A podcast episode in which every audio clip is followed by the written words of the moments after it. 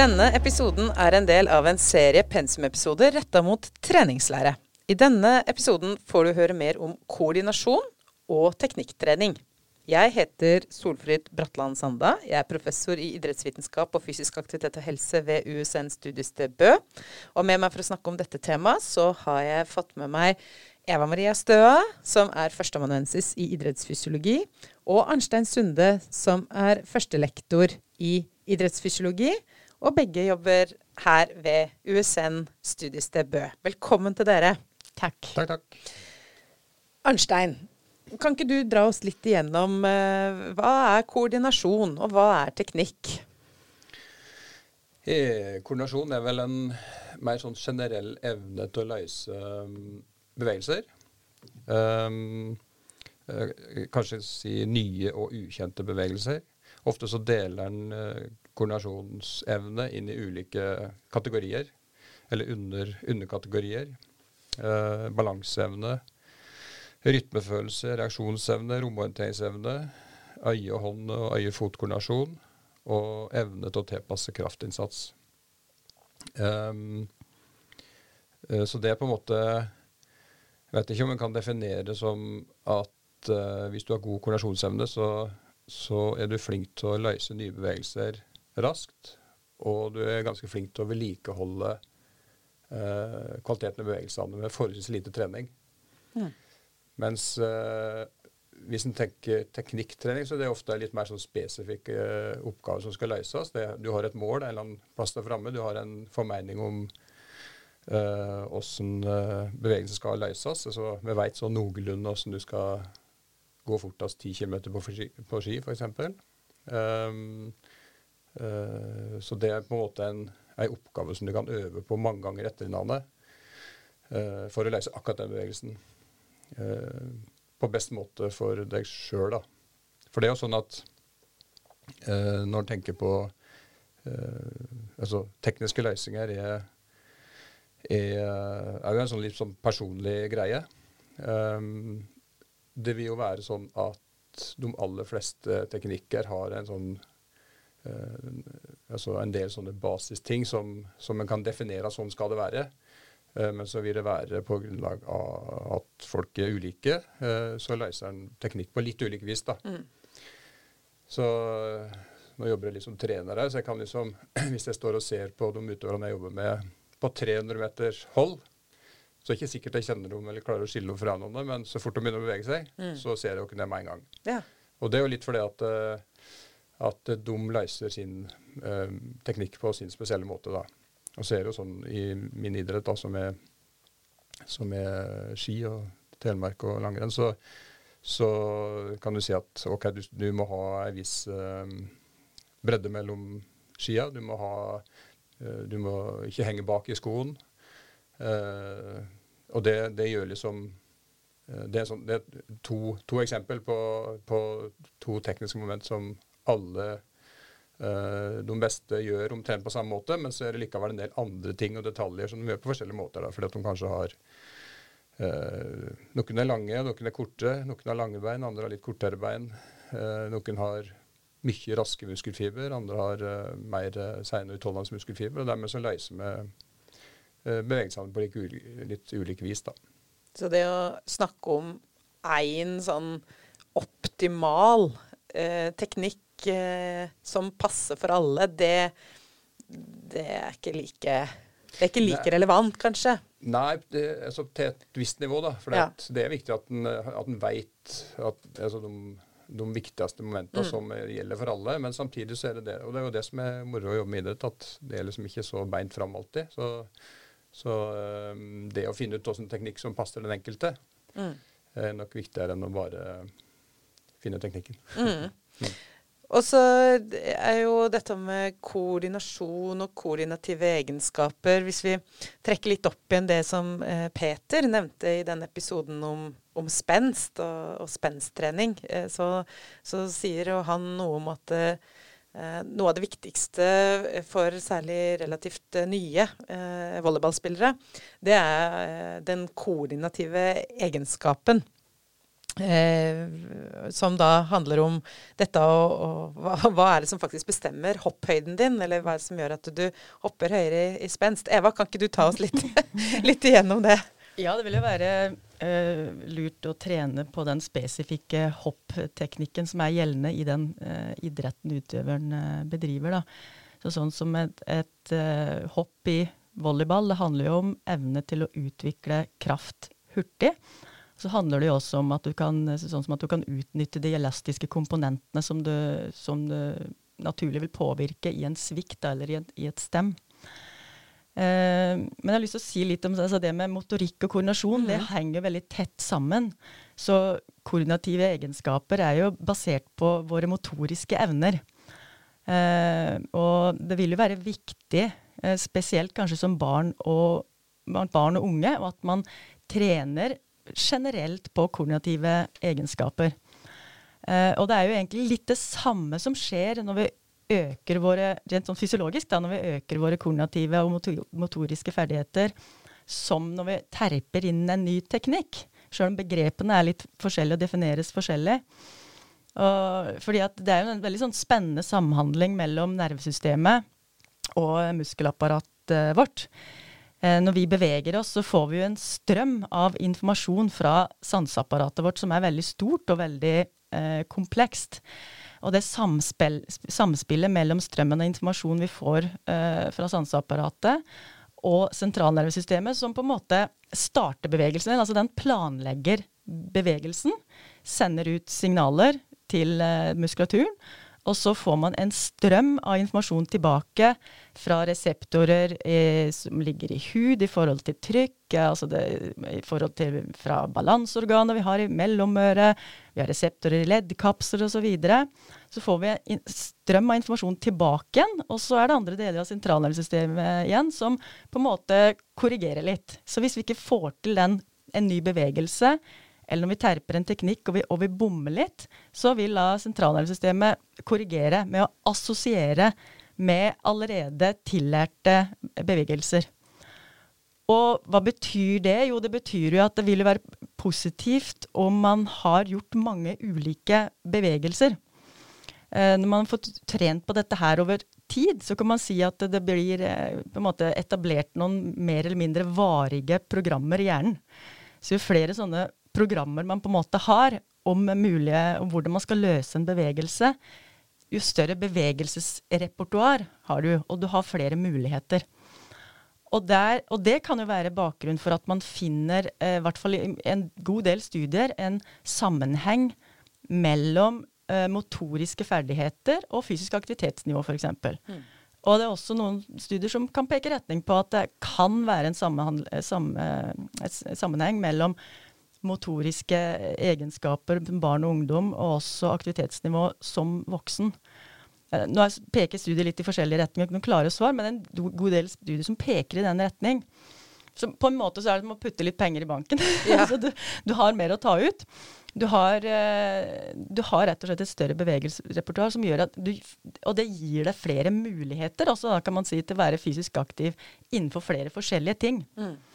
Eh, så det peker jo i retning av at eh, det å drive med mer sånn generell koordinativ trening som barn og ung, som utvikler de motoriske ferdighetene våre, at det vil være veldig positivt. da. Så vil det selvfølgelig, så er det alltid, og det, og det er jo også studier fra pensum, så viser det med en tydelig en studie hvor, eh, hvor de fulgte barn og unge, jeg tror det var over sju år, hvor den ene gruppen, altså hvor de da spesialtrente på mange ulike koordinative egenskaper. Eh, og så sammenligner man det med jevnaldrende barn som ikke var i dette treningsprogrammet, og man så at det var en, en klar forskjell i mange av disse koordinative egenskapene som, som, eh, som Arnstein nevnte i sted. At de fikk en veldig positiv utvikling av de som var eh, med i det treningsprogrammet. Så er det selvfølgelig en annen diskusjon om Hvis vi kommer litt inn på idrett og idrettsprestasjon nå, da. Og det med generell eh, eh, koordinativ trening. Og om man da skal bruke mye tid på det, når du allerede er en god idrettsutøver, eller om man skal bruke mer tid på mer spesifikk koordinasjonstrening, som man egentlig gjør i, i treningen sin. Mm. Altså en hekkeløper må hoppe veldig mye hekk. Mm. ja. og terp, finterpe det, både i forhold til kraftinnsats og rytmikk, steglengde mellom eh, hekkene osv. Det må jo selvfølgelig terpes. Eh, og det er jo egentlig veldig spesifikk koordinativ trening. Uh, og så er det jo litt diskutert om uh, i hvilken grad man skal fokusere mye på den mer generelle biten, som kanskje er mer viktigere enn som barn og ung. Mm. Ja, Arnstein, der har jo du en historie ja, med mm. Ja, jeg tenkte å følge opp den med um, det, det, er jo et veldig spennende tema, dette her. Og det, og, og det samarbeidet mellom nervesystemet og muskulaturen som, som er helt vesentlig. Um, og, og på en fellesnevneren, uansett om du snakker om unger eller, eller toppidrettsutøvere eller uh, enkle bevegelser eller mer sammensatte bevegelser, så handler det jo til sjuende og sist om uh, om du klarer å sette inn eh, stor nok kraft til rett tid mm. med rett retning. Det er jo det på en måte vi er ute etter. Mm. Uh, og så handler det igjen da om å dosere muskelbruken på, på en fornuftig måte. Det vil si, for du har alltid muskler som jobber med bevegelsen, og du har alltid muskler som jobber mot, som har en mer stabiliserende oppgave. Det som kalles for agonister, antagonister. Da. Så det er liksom doseringa mellom, uh, mellom, bruken av all muskulatur mm. som gir deg uh, Som bestemmer om du løser en bevegelse på en god måte, med god flyt osv. Og, og dette her kan vi faktisk måle, uh, iallfall på sånne repetitive øvelser, altså sykliske øvelser som f.eks. Uh, sykling, uh, løping, ski. Fordi at det er sånn at jo mindre energi du bruker på en gitt belastning i den aktiviteten du holder på med, jo mer arbeidsøkonomisk er du. Og, og, og, det henger veldig tett sammen med teknikken. Mm. Sånn at, og dette her kan vi måle fordi at eh, energiforbruket, når du måler det på, på, belastninger som er hovedsakelig arobe, så kan du måle det som oksygenforbruk.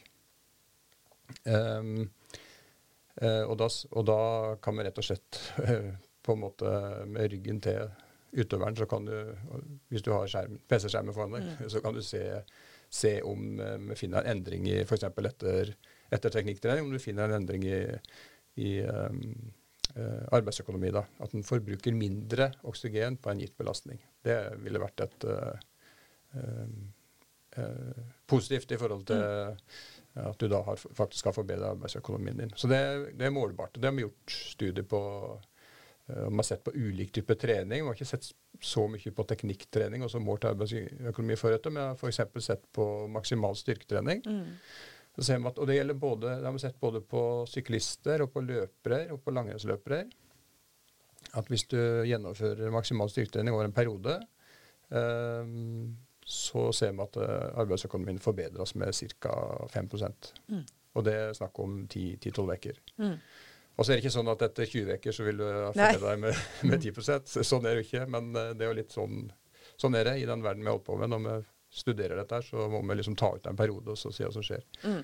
Og nå er du jo over litt i det der med hvordan skal man trene ja. jeg håper å si teknikk, og fordi det du egentlig trekker inn nå, at det er jo eh, det er jo kanskje ikke Og litt som Eva har spilt opp i stad at det er jo ikke nødvendigvis sånn at eh, den, det å ha en veldig sånn eh, generell koordinasjonstrening eller, eller en rein sånn eh, teknikktrening vil gi noe effekt på arbeidsøkonomien, særlig ikke hvis du har eh, utøvere på et visst nivå. Men da må du faktisk spille på noen av de andre egenskapene som muskelstyrke eh, for, å, for, å, bedre den eh, arbeidsøkonomien ytterligere. Da. Mm.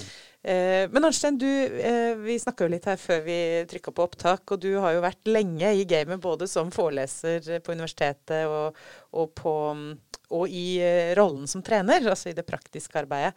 Uh, og du fortalte at det har jo skjedd en endring fra typ 90-tallet, uh, med, mm. med åssen en, en uh, det med bruken og åssen en ser på det mm. med mer sånn generell koordinasjonstrening. Eh, mm. kan ikke du ta oss litt igjennom det? Den utviklinga ja. som har skjedd? Ja, med fare for at ikke, kanskje alle vil kjenne seg igjen uh, i sånn som jeg beskriver. Det er jo min opplevelse av det, uh, for så vidt. Og, altså, sånn som idretten har jobba. Det, vil, det vil jo så klart variere hvor hen i landet du er og åssen miljø du er i og sånt. Men mitt inntrykk er at at uh, Og som jeg for så vidt sjøl var en del av det på særlig på 90-tallet kanskje, med Telemark og alpint hadde mye fokus på koordinasjonstrening. Og liksom måtte plukke ut Altså, det, det er mye Altså, balanse er jo en ekstremt viktig eh, kapasitet. Romorientering vil ofte være fordi at eh, du er i store deler av konkurransetida så er du Eller store deler. I deler av konkurransetida så er du i lufta og skal håndtere det. I, det er stor fart, og du er i lufta. Mm. Eh, og så da, så da tenkte jeg liksom at ok, da må vi legge opp til treningsøkter der vi jobber med det inne i hallen. Eh, med trampett og med stå i posisjon, stå i balanse, eh, endre på underlaget, eh, sette på fart eh, osv. Det, det eh, hadde han god tro på. Og det kan godt være at det òg fungerer og fungerte godt, og kanskje fungerer godt fremdeles. Um, Eh, men så, sånn på 2000-tallet så, så, gikk en eh, mer over til å kalle det for basistrening. Og mm. da, da var det mer fysisk, altså styrke, utholdenhet, trene for å være godt nok trent eh, til å både trene og mm. konkurrere, for å si det tungvint. Um, og så har han da kanskje i seinere tid uh, gått mer uh, inn på en mer sånn motorikkteknikk, litt tettere kobling da, mellom motorikkteknikk. Altså fremdeles inne på parketten, som hun kaller det, men, men at den da uh, er litt mer spesifikk på f.eks. for, for en langrennsløper, at den, hvis en jobber med posisjon, ikke knekker for mye ofte, altså ikke mm. har for mye framoverlent i overkroppen, som da er uh, kraftsløsende mm. i forhold til det vi sa i stad, med retning på krefter. Um, så har han liksom gått inn, jobba med langrennslike bevegelser på baller, på benker, i tau osv. Um, ehm, for å bevisstgjøre uh, posisjoner, og så for å overføre, ta det med seg ut igjen i sporet. Uh, og, løse, uh, og forhåpentligvis løse de tekniske oppgavene bedre ute i sporet. da. Mm. Um, og det er nok en litt sånn òg da litt mer fokus på det mentale, for det handler om liksom å, å, å forstå hvorfor du gjør dette, og ikke minst forstå hvordan du skal ta det med deg ut igjen. da. Den uh, transfer, tror jeg de kaller det. Uh, uh, som er en veldig viktig del av det. Mm. Um, ja. Men så er det jo sånn at når du skal trene teknikk, så, så kan det jo hvis, altså, ja, Nå holder jeg meg litt utover her, da, men det, så kan det jo være sånn at um, du kan jo løse teknikk veldig godt i liksom trygge og kjente og, og, gode situasjoner. Og så kan du komme i konkurranse, og så, og så løser du det ikke godt i det hele tatt.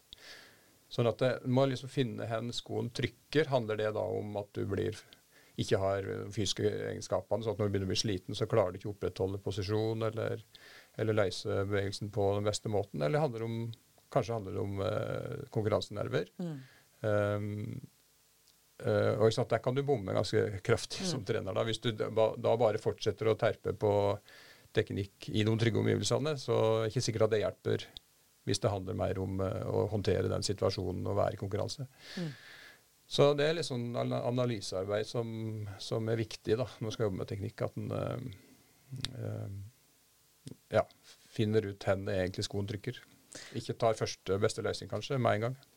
Og her er du jo egentlig inne på, for å hente opp noe fra enda en tidligere episode, om dette med når du gjør en, en type sånn uh, kapasitetsanalyse av utøveren. Uh, altså hva, hva, er det utøverens uh, Hvor er utøverens styrker, og hvor er mm. utøverens måte, utbedringspotensiale? Mm. Så vil jo sånne ting som det her være kjempeviktig å få med i en sånn type kartlegging. Mm. Og så, hvis, en, hvis vi også prøver å trekke inn disse ulike treningslæreprinsippene, så er jo det du snakker om nå, Ernstein, eh, prinsippet om individualisering kjempeviktig. Fordi det er ikke sånn at eh, to utøvere som kanskje tilsynelatende eh, har samme tekniske utfordring eller tilsvarende tekniske utfordringer, at det handler om det samme. Sånn at det kan hende at de to treng, utøverne trenger helt ulike måter å jobbe med den utfordringa på for å forbedre den, da. Det er jo egentlig det du mm. eh, legger vekt på her. Ja. og da er det viktig å være eh, Du må jo være litt glad i, å, glad i folk Ja. når du jobber som trener. Ja. Og liksom være litt interessert i å, og ikke, ikke redusere mennesket til å være uh, en uh, bare en kropp. på en Mm. måte. Det, nå snakker jeg ikke som fysiolog, kjente jeg. Men, uh, men Nei, du det- snakker som trener, da. Ja, ja. Jeg tror fysiologene ser, Ja. ser at eh, det er flere ting. Men, men det, der er viktig. Ja. Mm, veldig viktig. Og den, den, den helhetlige mm, tilnærminga Mm. til, eh, Ja. til utøveren. Eh, absolutt. Det Mm. tror jeg ikke vi kan få understreka nok ganger. Mm. Nå er vi jo litt inne på eh, særlig dette med koordinasjon og teknikk, og vi snakka om utøvere. og vi snakka om at koordinasjon og, og teknikk er, er viktige komponenter i, i en prestasjon, idrettslig prestasjon. Men så er jo også, eh, hvis en trekker det ned takk og snakker om nybegynnere eller mosjonister eller sånn, så, så er det jo også et sånn skadereduserende potensial i det å jobbe med teknikk. Eva, kan ikke du Mm. si litt grann om det? Ja. Altså er, I forhold til skadeforebygging så er jo styrketrening et, et eh, godt eksempel av at man innøver eh, korrekt teknikk. Eh, kanskje det er det første man gjør når man skal begynne med en ny eh, styrkeøvelse, så man faktisk gjør innøver den teknikken riktig, så at man ikke blir eh, skada. Eh, et, et annet eksempel kan jo være folk som eh, begynner å trene, men hvor teknikken i en bevegelse, om det er løping, eh, så kan jo det være å få litt, litt tilbakemelding på hva som kan bedre den teknikken, som igjen kan være skadeforebyggende. Faktisk gjøre at du kan fortsette med den nye aktiviteten over tid. Så selv om det ikke er eh, at ikke hensikten på en måte er å prestere best mulig, eh, så vil det være veldig stor betydning for at man faktisk kommer til å fortsette over tid. Mm. at ikke teknikken gjør at du står i risiko for å få en skade, da, f.eks. Mm. Og det er jo et velkjent eh, en velkjent utfordring når uh, nybegynnere, eller hvis en sier um, voksne, da, inaktive, som skal begynne å trene, eh, så er det ikke så uvanlig at de trener på seg noen vondter og skader. Som, og en ting er en sånn stølhet som Det, det handler bare om at eh, Det er muskulaturens måte å si fra om at Oi, dette var det lenge siden jeg hadde gjort. Så, så her må nå, må nå må kroppen tilpasse seg dette endra aktivitetsnivået eller endra bevegelsesmønstre. Men når den faktisk pådrar seg vondter, enten i rygger, nakker, knær, eh, så kan det handle om at den teknikken en har, rett og slett eh, er skadeframprovoserende. Og da vil det være nødvendig eh, å bruke sånne som oss da, med en kompetanse som kan hjelpe til med å, å justere på det. Og et sånn praktisk og konkret eksempel der er jo Eh, dere studenter som er på campus, vet jo at nå har vi ski in, ski out campus her i Bø. For nå er det såpass mye snø her at, at vi har eh, skiløyper på, på veldig mange jorder nede i bygda, og selvfølgelig oppe på Lifjell. Det gjør at det er veldig mange flere nå som er ute på ski, f.eks. Også de som ikke er så mye på ski til vanlig. Eh, og folk som ikke er så vant til å gå på ski, eh, og som ikke har på en måte en optimal teknikk, kan fort kjenne at de får mye vondt i nakke-skuldre f.eks. Eh, når de går. For det, det er et uvant bevegelsesmønster, og, og det er kanskje uhensiktsmessig eh, måte å bevege seg på, men som, som kan sette en, en, eh, en vondt da, eller en, en skade. Så det er også eksempler på at eh, det å, å terpe inn litt sånn grunnleggende teknikk, som vi har snakket om tidligere i, i episoden, er, eh, er også av relevans for eh, å si 60-åringer som tar fram skia sine for første gang på 50 år omtrent. Ja. Men ehm, dette som eh, For vi snakka også litt om dette med, med viktigheten av mer sånn generell motorikk og, og teknikktrening eh, for barn og unge. Eh, er det noe mer eh, vi, tenker rundt dette med, med f.eks. teknikktrening for utøvere på, på litt høyere nivå? Altså eh, hva er det vi må tenke på, hva, hva er det vi må være obs på når vi skal tilrettelegge trening på den måten? Eh. Jeg tror kanskje det Eva starta med, at, eh, at det er et ganske sammensatt system som skal øves. Jeg tror ofte det er sånn at er de som eh, har vært mest ivrig Eller de som ble best, var ofte de som har vært mest ivrig bestandig, på en måte. Mm. Som liksom har stått igjen uh, på trening, uh, skyter mot veggen eller på, med ball, eller du ikke får dem opp av svømmehallen, eller mm. uh, Det er liksom Det er ikke noen snarvei, tror jeg, til å Altså det er sannsynligvis sånn at noen tar ting raskere enn andre, men, så, men, men, jeg tror det handler om at du må gjøre, du må repetere mange, mange mange ganger. Mm. Um, det er ekstremt viktig. Det, mm. det, det er tidkrevende. Det er liksom å uh, Det er jo vanskelig å måle egentlig teknikk, koordinasjon. Lettere å måle styrkeutholdenhet. Mm. Det er kanskje lettere å trene styrkeutholdenhet fordi at uh, du får så direkte tilbakemelding når du merker at du løfter litt flere kilo i, mm. i knebøy, så, så, har du på en måte svaret. Um, uh, men jeg tror uh, det er liksom Det er nok den vanskeligste delen av treninga, tror jeg. Som mm. er mest sammensatt, og som krever mye, mm. mye tid. Og, og, så tror jeg det er viktig å, at utøverne jo mer Hvis vi snakker om utøvere, da, jo mer erfaren Eller jo lenger du har holdt på, jo viktigere blir det å prøve å jobbe på en sånn måte at utøveren får et eierforhold til sin egen teknikk. Mm. Mm. Sånn at han kjenner, eller hun kjenner um, når det, ting ikke funker, og kanskje til og med kan uh, svare på hvorfor det ikke funker. Og kan tilpasse til ulike forhold. Ting, I de fleste idretter så, så varierer jo forholdene rundt veldig mye hele tida. Mm.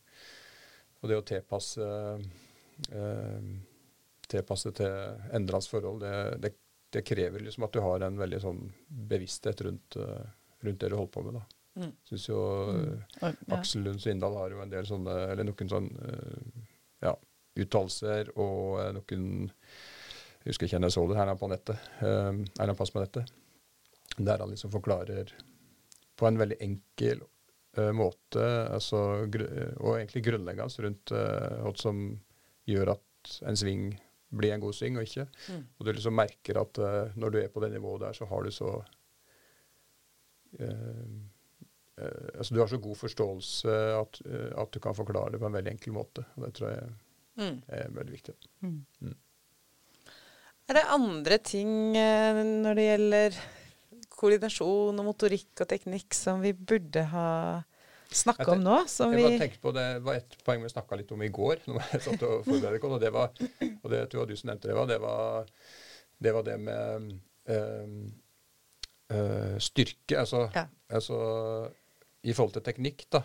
Jo større kraft du har, jo større kraftreserve har du på en måte i mm. idretten. Hvis du har hvis du nå må jeg ta, ta Telemark som eksempel. Men hvis du har um, Du løfter 150 kg i knebøy, og så bruker du kanskje I hver sving bruker du kanskje eh, 70% av det. Og så trener du så du blir enda litt sterkere, sånn at du i den samme svingen da bruker bare 60% Så mm. betyr det at mm. du sannsynligvis gjør det samme arbeidet med bedre kontroll. Mm. Og det hadde med, Vi hadde faktisk studiet hadde med tre bachelorstudenter og en masterstudent, tror jeg, som vi, vi reiste rundt oss og, og så målte med kraft og hastighet og svingradius og i, i, uh, i tre-fire norgescup. Uh, renn, og så så vi på mye Og, så, og testa vi hvor mye eh, de samme løperne tok i knebøy.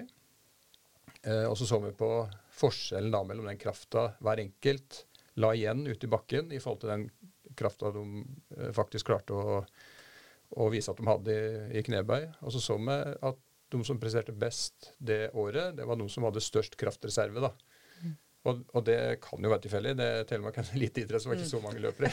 men, men, uh, men, jeg tror kanskje det er et uh, poeng, da, for at uh, både altså, i forhold til skadepotensialet, mm. så har du bedre kontroll. Og i forhold til å kjøre godt på ski, så har du bedre kontroll, og du presterer bedre da. Mm. Ja. Det er et godt oppspill til en studie som faktisk kan replikeres av uh, andre studenter. Ja, eller, uh, eller, andre miljøer, for den saks skyld. Mm. Uh, Tusen takk, eh, Eva og Arnstein, for at uh, dere tok tida til å komme hit. Og vi gjentar jo at dette er uh, pensum um, Det er den samme pensumboka vi refererer til i alle disse pensumepisodene i treningslære. Det er Gjerseth, idrettens treningslære, vi jobber med. Um, det fins andre tilsvarende bøker på samme tematikken også, men det er altså den boka vi har på pensumlista vår her i Bø. Igjen tusen takk, og takk for at du lytta.